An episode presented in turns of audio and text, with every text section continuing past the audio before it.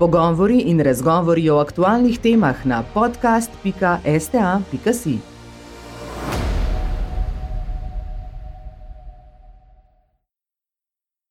Dobrodošli pri podkastu Slovenske tiskovne agencije v okviru projekta NEA, kjer bi se danes osredotočili na slep tožbe, ki so ena od vročih tem, recimo, zadnjega obdobja. Z nami sta tokrat Jasta Zakonšek, odvetnica, ki je tudi del pravne mreže za varstvo demokracije, in pa uh, Petra Lese Aktušek, urednica večera in predsednica Društva novinarjev Slovenije. Dobrodošli. Hvala za povabilo. Uh, za začetek mogoče eno tako bolj splošno vprašanje za uh, Petro.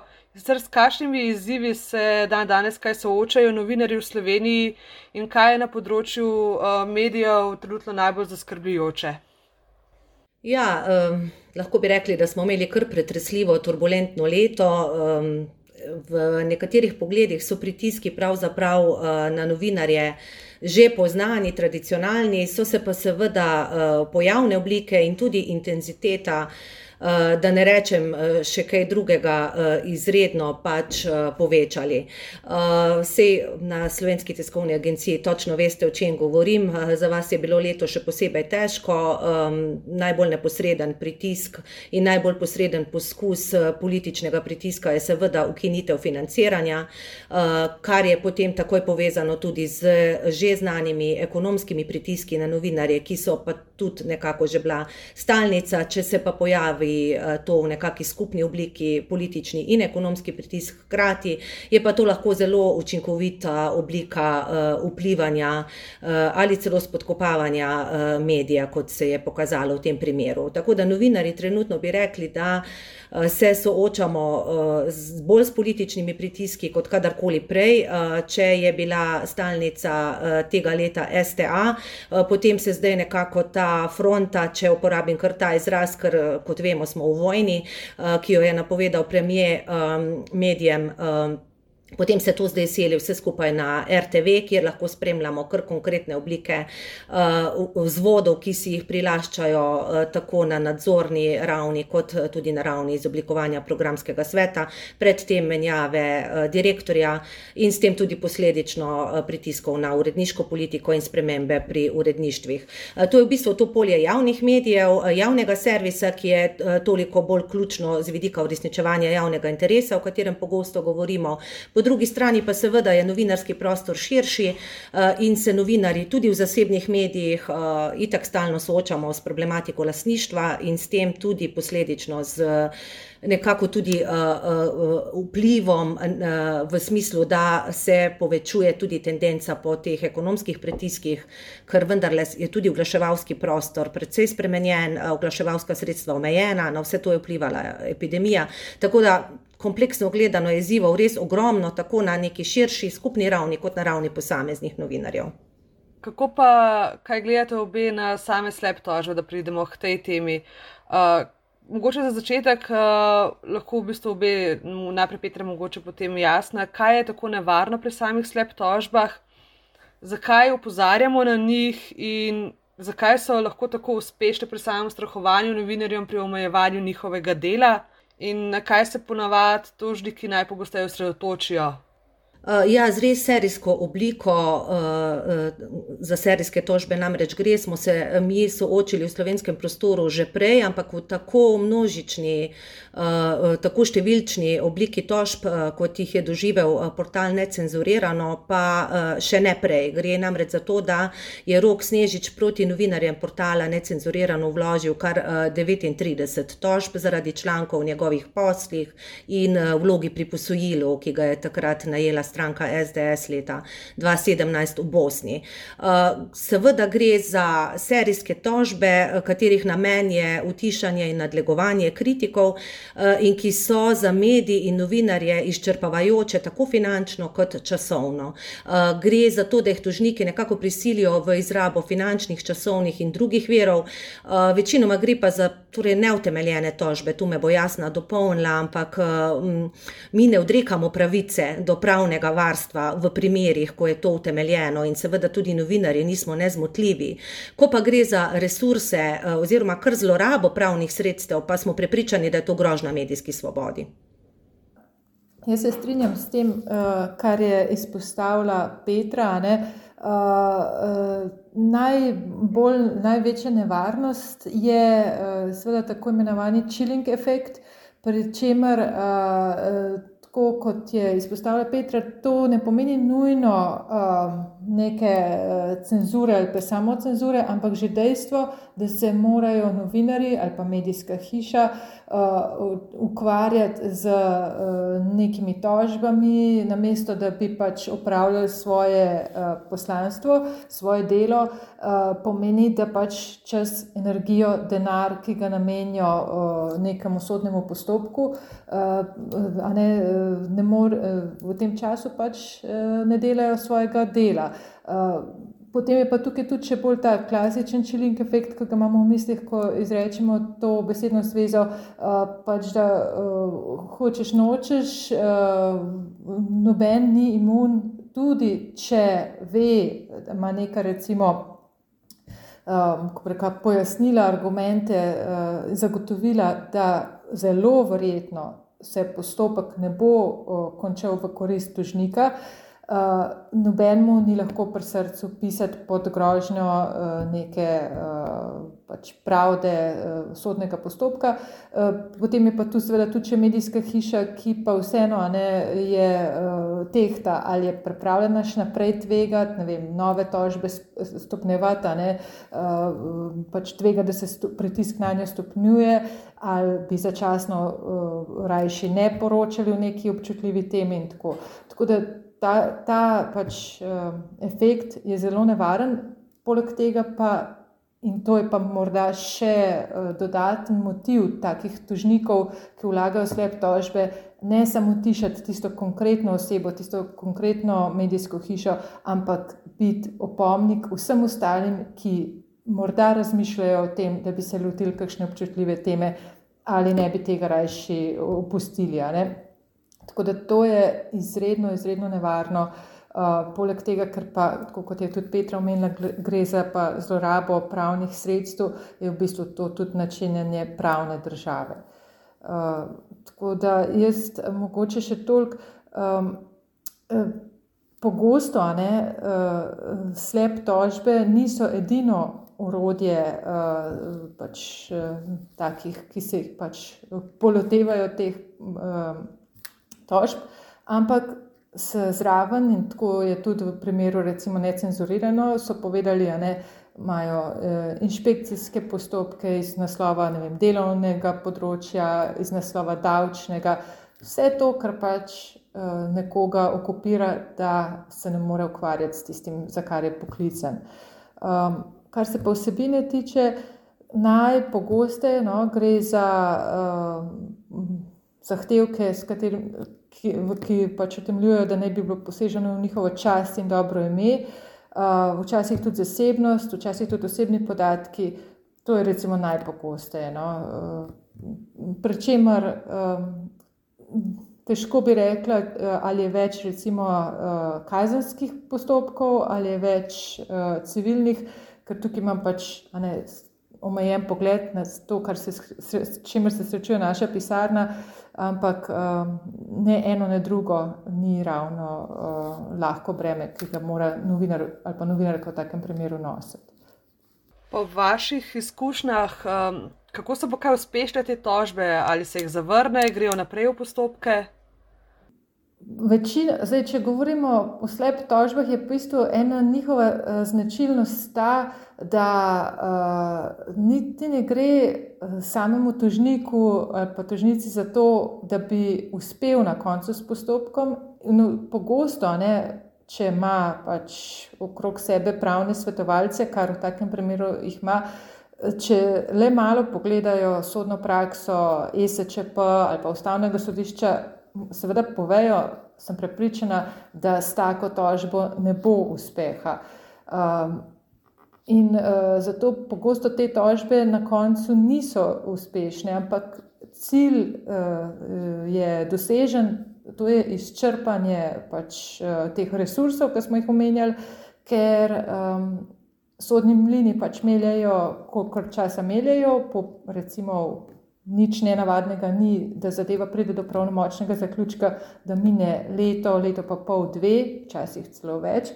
Uh, in uh, rezultat na koncu za tistega tožnika sploh ni pomemben. Pomembno je, da je imel dve leti, recimo, mir ali pa še, uh, ali pa še več. Uh, imate morda še kakšno primerjavo, kako je v tujini um, in v Sloveniji. V Sloveniji je res zelo odmeven ta primer necenzuriranega, ker so bili sploh v zadnjem letu dveh. Uh, pa mogoče še kako je bilo kaj pred temu. Uh, ja, v bistvu slep tožbe so se pojavljale že prej. Uh, res pa je, da tudi z izobraževanjem, kar je recimo tudi eden od ciljev uh, številnih uh, nevladnih organizacij, pa konec koncev tudi Evropske komisije, uh, Eh, se v bistvu, eh, še, ko pogledamo nazaj, lahko zavemo, da tudi to je bila slep tožba, samo da jim prej pač nismo tako rekli. Uh, tako da jih poznamo že iz zgodovine, uh, recimo ne, um, politične, politič, politiki, ki so množično vlagali tožbe zoper novinarje zaradi člankov, v katerih so te izražali vrednostne sodbe, se pravi, ne, kjer so bili kritizirani, čeprav je seveda praksa ISEČ pojasna, vrednostne sodbe, le v izjemnih primerih je dopustno omejiti. Tako, tako da jaz se spomnim zadev že izpred desetih let ali pa celo več. Uh, in tudi, recimo, uh, spomnim se primera, ko je uh, Janez Janša, ne vem, v kakšni vlogi je bil takrat, ampak uh, vsekakor že uveljavljen politik, seveda, tožil vlada Mihaljaka za neke kolumne.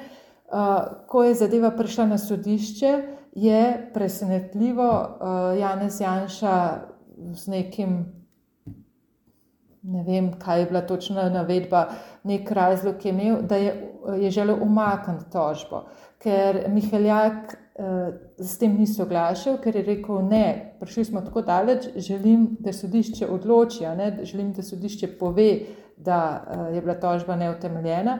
Eh, je pač uh, takratni tožnik Janez Janša uporabil institut odpovedi tožbe, kar pomeni, da pa tukaj pa pač toženc nima več besede, a se s tem strinja ali ne. Uh, skratka, jasno je bilo, ne, da cilj ni prideti do konca sodnega postopka, ampak vse vmes. Um, želela sem pa še to reči, da ne samo novinarji, ne, imamo uh, tudi v zadnjem času uh, primere v naši odvetniški pisarni, recimo, uh, tožen uh, akademik Rizman, uh, kot pač en, eden, en izmed glasov ne, civilne družbe. Uh, potem v nekem malo manj odmevnem primeru je bil tožen študent, ki je na Facebooku zapisal neko kritično misel o županu tako. Skratka, Eh, tisti, ki so deležni slep tožb, ni nujno, da so novinari ali pa novinarke, lahko so tudi ne vem, nevladne organizacije, kritični posamezniki. Značilno je to nesorazmerje moči med um, tožečo stranko in toženo stranko. Ja, uh, tujina ima uh, Amerika, konkretno Zvezdna država Kalifornija, pa Kanada, imajo že neke anti-slep Eh, zakone. Kanadski je, mislim, da je ravno pred kratkim tudi prestal nek test, oziroma presojo na vrhovnem sodišču kanadskem. Uh, in podobno je tudi razmišljanje Evropske komisije, ki se tudi želi na ravni EU peljati uh, anti-slep zakonodajo. Uh, glavna, glavna, najbolj upremljiva rešitev bi bila, ki pa seveda daleč od tega, da bi bila enostavna, je na, po nekem testu ob prvem pregledu zadeve zavržanje tožbe, zato ker bi bilo na podlagi nekih meril ugotovljeno, da gre za slep tožbo. Seveda, tukaj pa so pomembne podrobnosti, ne, kakšna so ta merila, kako, katero raven reka, prepričljivosti naj bi tu ena ali druga stran uh, zadostila, ker namreč uh, rešitev je v tem, da se tak sodni postopek hitro zaključi. Po drugi strani pa, kot je Petra prej zelo dobro upozorila, nihče ne, mu ne sme biti oduzeta dan na sodišču, da se tako reče, ima pravico, seveda, da svoje interese zaščiti na sodišču. In ravno iskanje ravnovesja med tema dvema pravicama, da tako rečem, se pravi med um, uspešno ustavitvijo slep tožbe in uh, pravici nekoga, da pač o, o njegovi tožbi odloča sodišče, tukaj je zelo uh, pač, uh, ključ zadeve in hkrati najtežje upravilo to tehtanje. Ampak uh, v Kanadi, recimo v Ameriki, kjer je sicer ne, drug, sodni, mislim, drug pravni sistem to deluje. In jaz sem prepričana, glede na napore, ki jih trenutno Evropska komisija vlaga v to, da na neki točki bomo tudi na ravni EU to dosegli. Petra, imaš morda še kakšen komentar na tem mestu, ker da ste tudi vi aktivno sodelujete pri kakšnih teh uh, podajanju mnen, komentarjev na to vrste zakonodaje? Uh, ja, tu se bi mi zdelo pomembno v bistvu dopolniti to, kar je jasno izpostavila, da uh, je na eni strani zastraševalni učinek, uh, ne samo novinarjev, uh, tudi torej vidimo drugih posameznikov iz civilne družbe, nevladnih organizacij oziroma kritikov iz raznih družbenih civilnih sfer, po drugi strani pa nekako opogumljajoč učinek za tistega, se pravi, da tudi ne vem, na lokalni ravni potem se nekdo odloči podobno po vzoru, uh, torej to gre nekako, se širi epidemično na eni strani uh, kot zastraševanje, na drugi strani kot opogumljanje. In to nekako res ruši ta sistem, vsaka sva izpostavlja svoj vidik, se pravi svobodo medijev, hkrati pa pravno državo. To dvoje pa res tesno in neločljivo povezano. Uh, zelo um, je prisoten uh, slep v zadnjem obdobju uh, razširjanja na Balkanu, uh, ko ste spraševali po uh, uh, tujini oziroma primerih, kjer so ravno zadnjič, ko smo imeli srečanje s hrvaškimi kolegi, Eh, na temo, da zastraševanje ne bo ustavilo novinarskih zgodb, je bilo izpostavljeno, da je nekako okrog tisoč tožb celo vloženih trenutno eh, na Hrvaškem in da je nekako njihov eh, očkodninski zahtevek presega 10 milijonov evrov. To so res kar precejšnje številke, da si mogoče to bolje predstavljamo. Podobno tudi v Bosni in Hercegovini je približno 300 tožb vloženih trenutno, tako da to, te številke so kar precejšnje. Tudi Srbija seveda izstopa. Eh, ampak eh, ni to fenomen Balkana, eh, je po Evropi kar precej prisoten. Zadnjič je bil gost tudi sin umorjene malteške novinarke Galicija, kjer v bistvu so zelo aktivni na področju te koalicije, ki se je vzpostavila proti slep tožbam. To se mi zdi pomembno. Ne? Tudi takrat smo lahko videli primere blizu 50 tožb v primeru Galicije, kot omenjam, ali pa v Franciji podobno. Imamo več kot 20 tožb aktualnih trenutno zoper novinarje, advokate, aktiviste, nevladne organizacije, torej res ne uh, sega samo na področje medijev.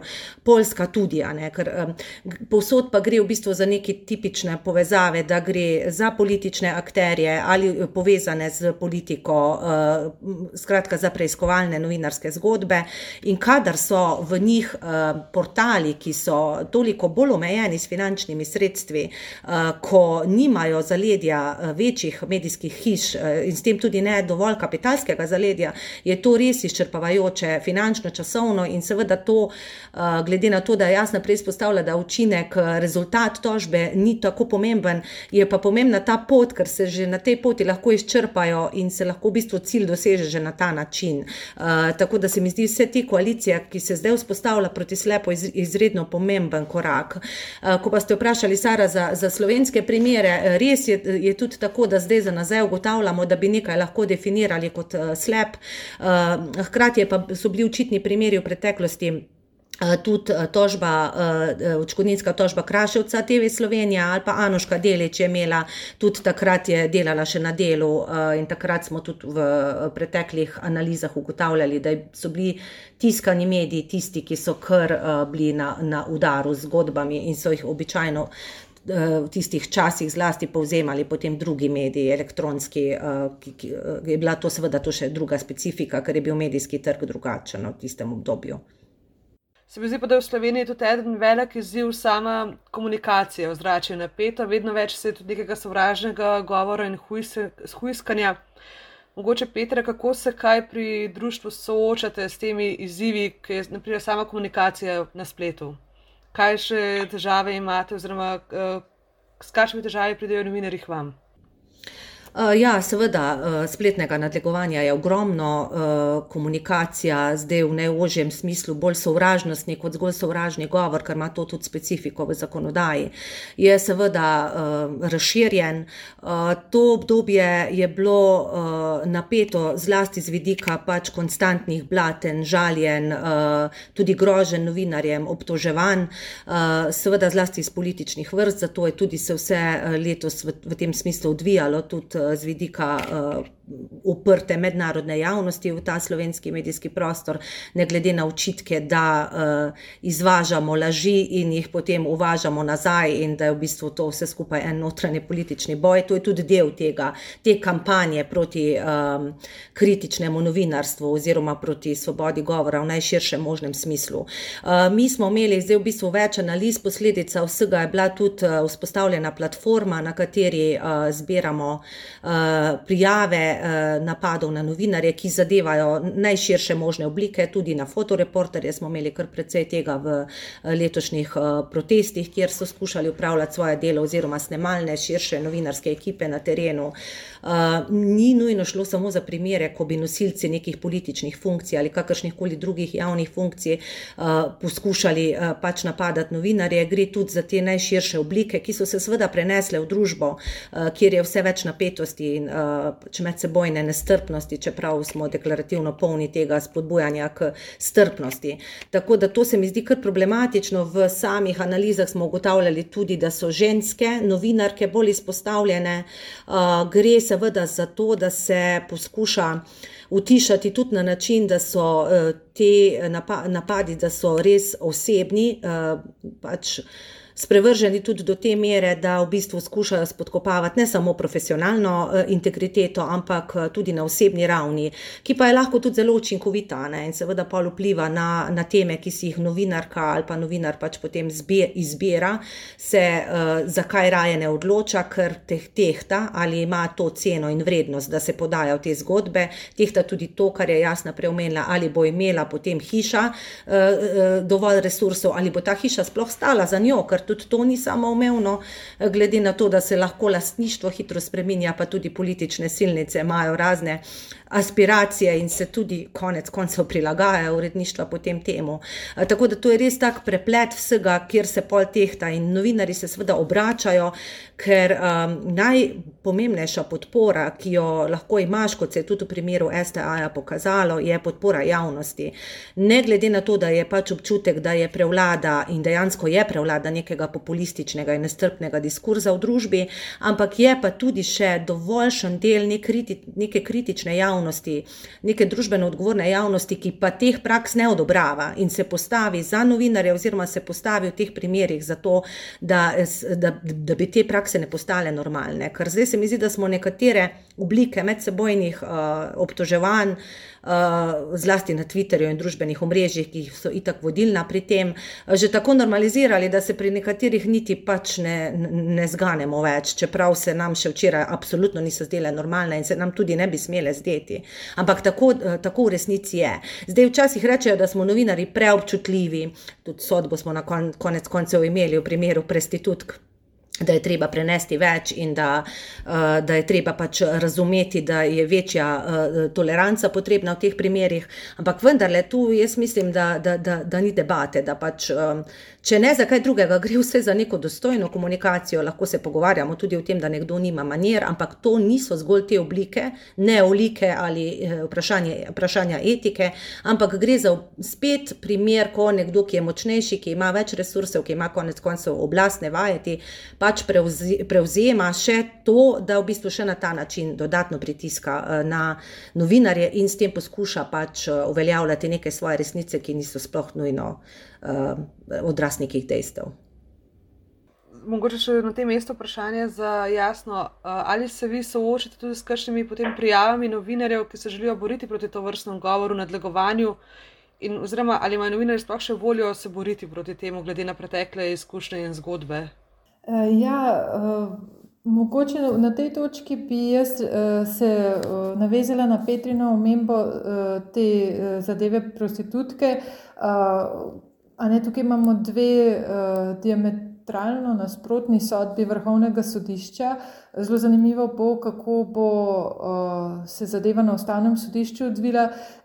Po mojem prepričanju je seveda pravilna, glede na seveda, prakso tudi ustavnega sodišča in ESČP. Zadnja sodba, ki je, in to se mi je zelo, zelo pomembno, obsodila tudi seksizem. Uh, ker to, ne, kot je Petra omenila, novinarke neprimerno več, večkrat so deležne napadov ad personam.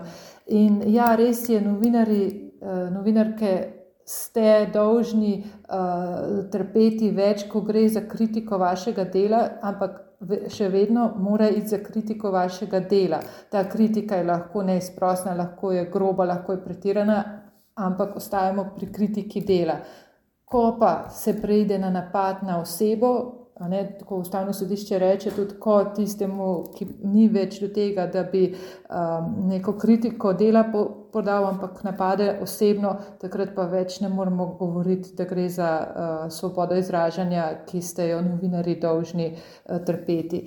Um, Če pa odgovorim še na vprašanje, uh, novinarke pa novinari se v bistvu uh, zelo dobro zavedate tega, da ste ne, v tem smislu relativne javne osebe in da morate trpeti več, in ker se zavedate svobode izražanja, uh, jo tudi pri drugih ne, uh, cente do te mere, da uh, včasih mogoče res. Um, Se ne odločijo, ne odločite za kakšne uh, tožbe, seveda pa tudi ob zavedanju tega, da spet, ne, tudi če si tužnik, uh, to ponovno pomeni nek angažmaj in tako časovni, finančni, ki so ga redki voljni pač v ta namen uložiti.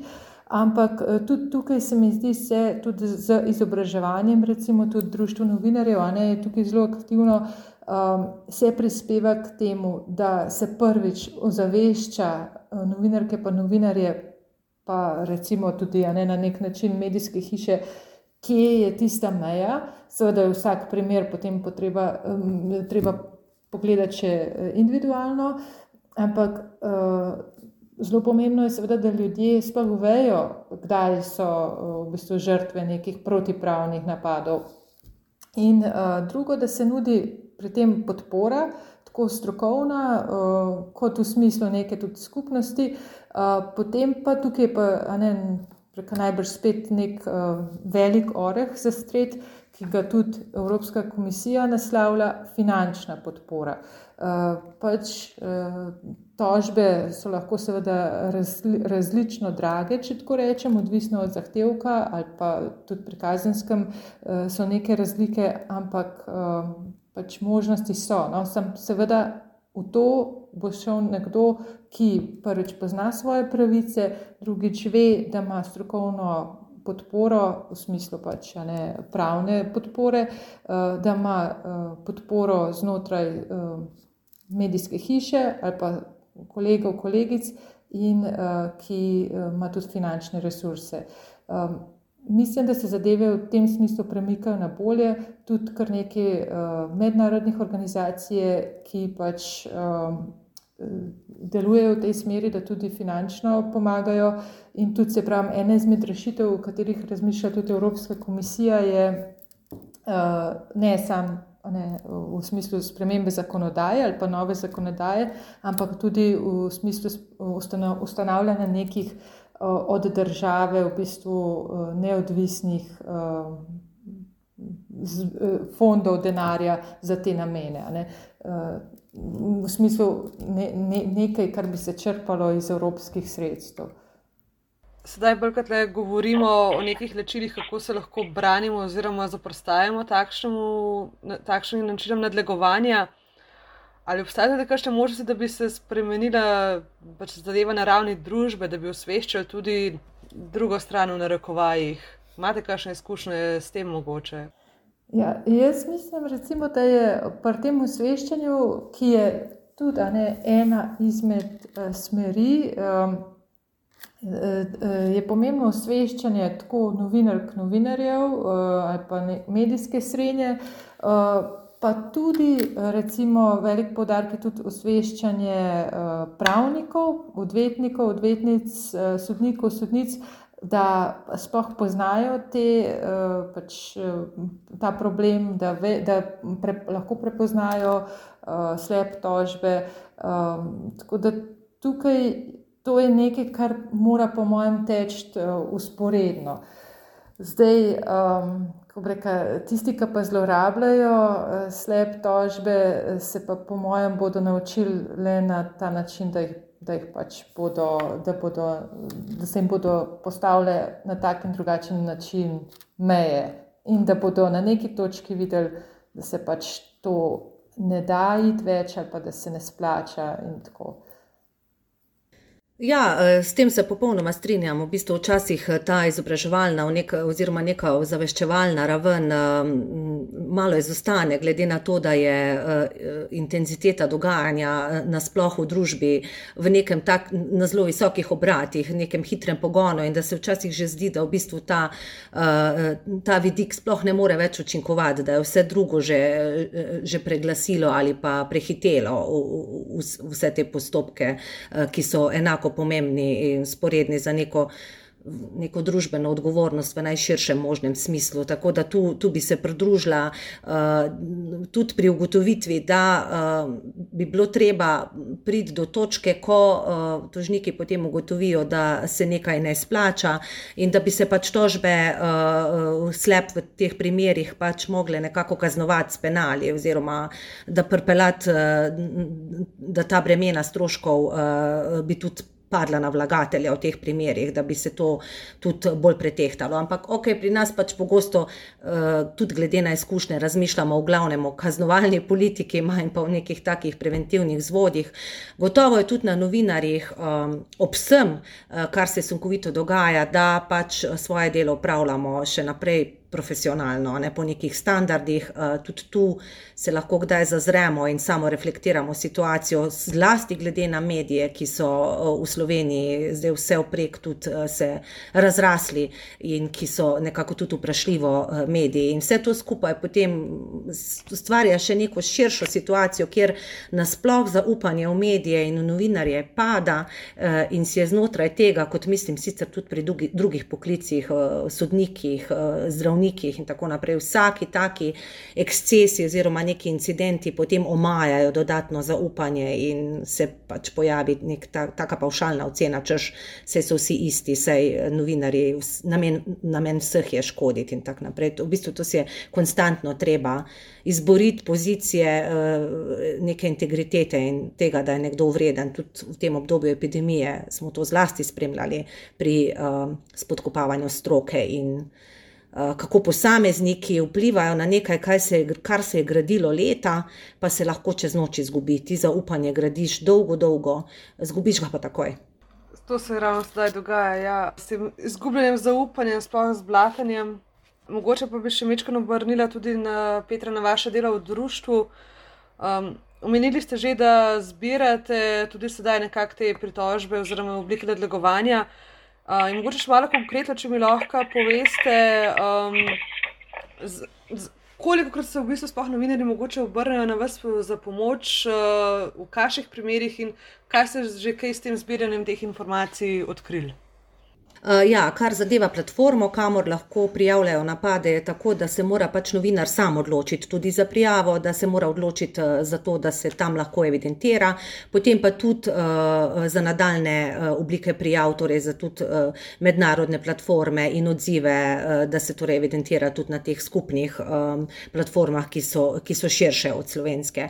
Leto smo tu evidentirali nekje 30 napadov na različnih ravneh, od grožen žalitev ugotovitev do konkretnih postopkih tož, po katerih govorimo. Tako da to, to je zelo kompleksno in mešano. Se mi zdi pa, da je pomembno, da je evidentirano na enem mestu, ker sicer se to izgubi in da je to nek kanal oziroma vzvod za to, da se novinari lahko za to odločajo, kajti vsi ti primeri, ko dobivo, dobivajo tudi neko širšo dimenzijo in na vse zadnje tudi podporo skupnosti, ki je zelo pomembna, eh, da ne ostaneš ob tem, eh, konec koncev, sam. Mislim, da gre za vprašanje tudi solidarnosti in neke širše podpore, ki včasih umanka, eh, ampak je zelo, zelo pomembna in lahko dosega potem tudi nek širši, širši učinek, ne, ker se vseeno vidi, da gre za neko mobilizacijo. Se pa novinari pač obračajo včasih ne tudi, eh, tudi, tudi ne člani društva, ne zgolj člani društva, eh, s čisto tudi konkretnimi eh,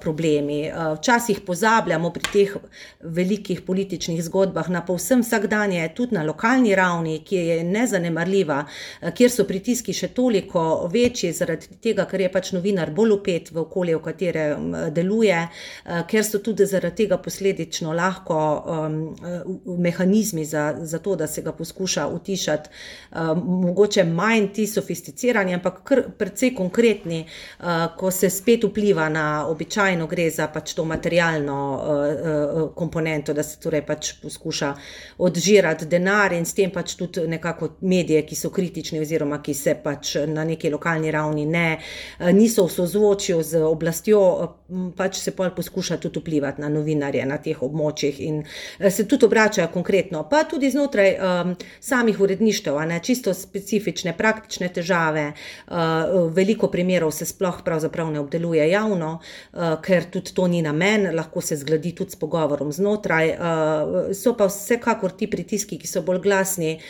ki so bolj opazni. Samo del te zgodbe. Uh, mislim, da je veliko širše teh manjših, ko rabijo čisto konkretne pomoči, pa se pa na tak način dogovarjamo z uredniki, včasih lastniki, odvisno za kaj gre. Ja, sem mogoče še pri vas, ko pač ste strokovnjakinja za področje medijev in tudi za pač aktivni del pravne mreže, mreže za varstvo demokracije. Koliko primerov novinarjev oziroma medijev ste mogoče tam obravnavali, oziroma ste dobili kakšne prošnje?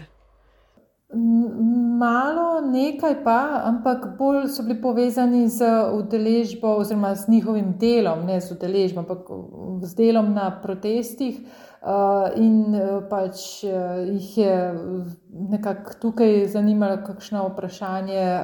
Sicer pa največ, pač najbolj sem povezana z mediji na način, da zastopamo nekaj pač medijskih hiš. Uh, in pač zastopamo novinarje v tem okviru, pa tudi preko sodelovanja z Društvom novinarjev Slovenije, ki pač uh, ali preko izobraževanja, oziroma tudi preko uh, lahko tudi čist konkretnih nekih projektov. Uh, tako da uh, novinari se, se pravi, se mi zdi, da tukaj se zelo uh, pozna no, to delo. Uh, Eh, da, da tudi recimo medijske hiše, eh, vsaj ne moja izkušnja je taka, da se eh, zauzamejo, da se zavejo, zavedajo, ne, da pač je včasih treba postaviti meje in pač hočeš nočeš kdaj iti tudi v kakšen sodni postopek. Sem pa še to želela reči v zvezi s slepi, da ne pozabim, uh, spletna stran Index on Censorship ima tudi eno orodje, kjer lahko pač tisti, ki misli, da je uh, Eh, žrtev eh, slepa, ker slep ni nujno tožba, lahko je tudi ne, neko recimo eh, odvetniško pismo kot neko pozorilo pred tožbo, opomin pred tožbo, lahko so pa tudi neki drugi postopki. Gre čez neko vprašalnik in na koncu dobi neko oceno, ja, zelo verjetno ste žrtev slepa ali pa zelo verjetno niste. To seveda ne pomeni eh, nekega pravnega mnenja, to je izredno pozorjeno, ampak neko orodje pa je vseeno, ki lahko služi eh, človeku, ki se znajde eh, morda ne, kot žrtvo slepa, pa niti ne ve, ali je to slep ali ni. Morda je to tudi res, da je to zelo tanka meja, kdaj so nekatere tožbe oziroma postopki upravičeni, kdaj niso, kdaj je tukaj upleteno še osebno mnenje oziroma kakšne zamere. Ja, to je res. Je pa res, da neka, nek, neka merila, recimo, pa neki primeri so pa vseeno kar očitni. No? Uh, recimo, v primeru, se smo ravno rekli, necenzurirano. Uh, ne, 13 tožb za vsakega od novinarjev, med, pri čemer gre v bistvu za isto tematiko, samo v različnih člankih. To je pač zelo očitno, da se s tem količinskim ne, povečevanjem, namesto bi, recimo, če je tožnik menil, da je pač, oziroma vlagatelj zasebne tožbe menil, da uh, je bilo uh, pač nekaj storjeno uh, v nasprotju z zakonom, bi lahko to zaobjel z eno tožbo. Ampak, seveda, to bi pomenilo, da se mora nasprotna stran ukvarjati z eno tožbo, uh, veliko bolj obremenilno pa je, če se mora s 13. Recimo. Tako da, kakšne take poteze so kar očitne. No. Niso pa, vsi, niso pa vse zadeve take. Ne.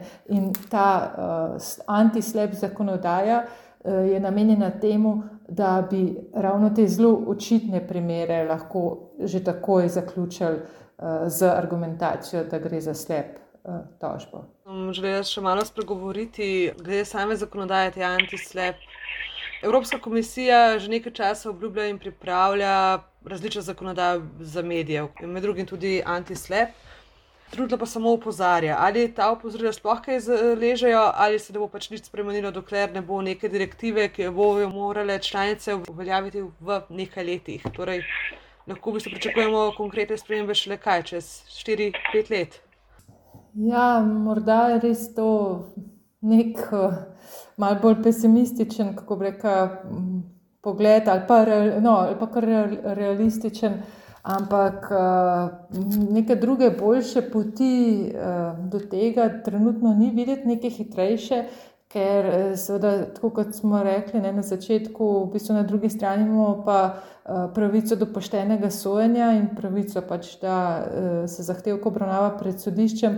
Zato je najbrž, oziroma ne najbrž, zagotovo že prav, ne, da se na podlagi neke pač, uh, širše, razprave determinirajo pro problemi, da se iščejo rešitve, ker konec koncev potem uh, na ta račun bo tudi neka. Če bo pač ta anti-slep zakonodaja sprejeta, bo po drugi strani uh, to na račun pravice do uh, sojenja, in to je pa vedno zelo, zelo, zelo previdno treba omejevati, zato najbrž to terja nek čas. No. Ampak kljub temu tudi. Že prvič zavedanje, da gre za to problematiko, pogovarjanje o tem, uh, ne vem, najbrž pa tudi niso vsi čist imuni, no, da tako rečem, na neke recimo uh, pozive na nek konc koncev tudi ugled ali posameznika ali države v tem smislu, kako se spoštuje svoboda medijev in tako. Tako da to mora tudi nekaj zalešno. Si, si pa predstavljam, oziroma mislim, ja, da brez neke zakonodaje ta učinek ne bo dosežen no, v taki meri, da bi, da, da bi se to res poznalo. Petra, še vaše mnenje glede same Evropske komisije in njenih načrtov? Ja, večkrat v bistvu smo nasplošno pa ne samo pri tem uh, obravnavani tematiki, uh, frustrirani, da se stvari že zgodijo in da se v bistvu gasi požare in potem išče rešitve za nekaj, kaj je. Marsikaj se v bistvu ne da predvideti, dokler da se ne zgodi in pol spet rabi to nek svoj čas, da se uresniči. Absolutno je zelo pomembno, da se je ta razprava začela. Uh, konec koncev, ne glede na to, da smo pač bili nek vzorčen primer, mislim, da je tudi Slovenija dost prispevala, tudi situacija na Slovenski tiskovni agenciji k temu, da se uh, o medijski zakonodaji na širši evropski ravni bolj razpravlja kot v preteklosti, čeprav so seveda imeli že svoje primere, mačarsko, polsko in izkušnje. Uh, torej gre tudi za izrazito politična vprašanja, uh, kakorkoli že uh, se poskuša ločevati to področje, konc koncev zakonodaja se niti drugače ne more sprejemati kot pač skozi politične organe.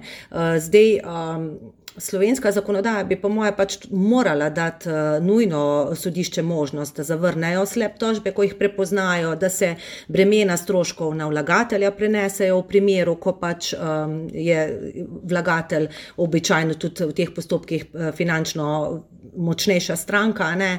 In tudi, kot smo prej že ugotavljali, nekako kaznovati uh, uh, s penali. Uh, so v Evropski uniji seveda pomembno prepoznali in pripravljajo zakonodajo, ampak če bo zajemala samo uh, čezmejne slep tožbe, bo to tudi premalo, ker je v bistvu teh tudi primerov uh, zelo malo. Tako da v bistvu to usklajevanje nacionalnega in širšega uh, je tu pač pomembno. Ne? Zdaj, ker ugotavljamo, da smo vedno nekje od zadaj, da potem se rešujejo stvari, lahko glede postopkov zoper novinarje, kar smo sami evidentirali na društvu, rečem še tudi, da, je, da smo pravzaprav mi v letih um, 2014 do 2017 ugotavljali, da je bilo začetih 127 postopkov uh, zoper novinarje, uh, bilo je večinoma civilno-pravnih, uh, dve tretjini teh je bilo približno ali pa malo manj, no, nekaj več kot polovica. Ampak mi zdaj tudi teh podatkov o sodnih epilogih uh, nimamo, ne, ali se je končalo z obsodbo novinarjev, koliko postopkov je bilo neutemeljenih. Tako da v bistvu je um, na eni strani to, kar se vse čas pogovarjamo, je sprožanje teh postopkov lahko upravičeno, lahko pa se torej zlorablja in zdaj tega prereza stanja v resnici um, nimamo. Počasi se bližamo koncu. Jaz bi mogoče za zaključek še eno bolj preprosto vprašanje. Um, kaj svetujete novinarjem, ki se soočajo z različnimi pritiski, kako naj, kje naj začnejo? Uh, mogoče iz pravnega vidika, če imajo uh, breka, to srečo, no, ali kako naj rečem, upam pa, da, da to ni sreča, ampak da bi bilo to recimo normalno, uh, da imajo uh, delodajalca ki uh, pač, uh, jih zaščiti, ki jim nudi pravno in finančno podporo, uh, naj pač opozorijo, kaj se dogaja. Večje medijske hiše imajo tudi pravno službo, ki pogosto dobro pozna to problematiko. In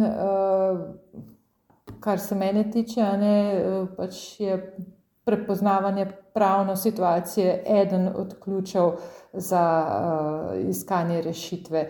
Uh, so pa zagotovo tudi še drugi uh, nepravni mehanizmi podpore, ki bo pa Petra več vedela o njih. Ja, e, zagotovo je najprej uredništvo. Ne. Za vsakim novinarjem je zelo pomembno, da stoji urednik in je tudi na nek način soodgovoren, ne samo odgovoren urednik, resorni urednik e, posameznih področji, torej e, so odloča o objavi nekih člankov in že tam prevzema določeno stopnjo soodgovornosti. Za, in pomembno je, da torej stoji v novinarju tudi naprej, ko pride do zapleta oziroma do kakršnega koli postopka celo. Torej, zaslomba uredništva je ključna in seveda stanovskih organizacij tudi tudi. Ne. Prej sem pač nakazala, da je ključna solidarnost, če da ti v bistvu ne ostaneš sam, potem se pa vsi obrnejo proti, ko pride do, do težav. Tako da v bistvu ta podpora znotraj uredništev, hkrati pa, če je nekaj utemeljeno, če je podprto z argumenti, če, so, če gre za dejstva, ne, se v osnovi govorimo o tem, o kritičnem, verodostojnem novinarstvu, ki potrebuje zaščito, pa jaz mislim, da je zelo pomembno to javno izpostavljati in da se v bistvu to, eh, to podporo javnosti tudi vsakič eh, na novo pridobi. Um, kakorkoli se kdaj zdi, da, eh, da je ni, oziroma da je več uperjenih proti, seveda bodo brcali še bolj, če mački stopiš na rep, pač cvili, ampak je treba ustrajati. Tu pa se mi zdi, da je včasih pač zmanjka vsem, zato ker enostavno se tega pol pri vsakodnevnem življenju, ki je veliko več kot to, kar posameznik profesionalno upravlja, eh, lahko tudi popustiš. Ker eh, zato je pa toliko bolj pomembno, da so neke druge širše opore, neki podporni stebri, eh, ki lahko zgodbo pripeljejo do konca, ker konec koncev učinkuje potem tudi na druge in za naprej. Ne gre vedno samo za posamičen primer, zato je pa toliko pomembno, da pač tisti, ki lahko zdržijo vse to, prinesejo nekaj dobrega, pa tudi za naprej in za druge. Hvala vam še za te zadnje nasvete in uh, vajen čas. Uh, upam, da se vidimo še kdaj ob kakšni lepši priložnosti, ko ne bomo ravno razpravljali o slep tožbah. Uh, tako da s tem zaključujem podcast. Hvala, Hvala za povabilo. Pogovori in razgovori o aktualnih temah na podcast.sta.si.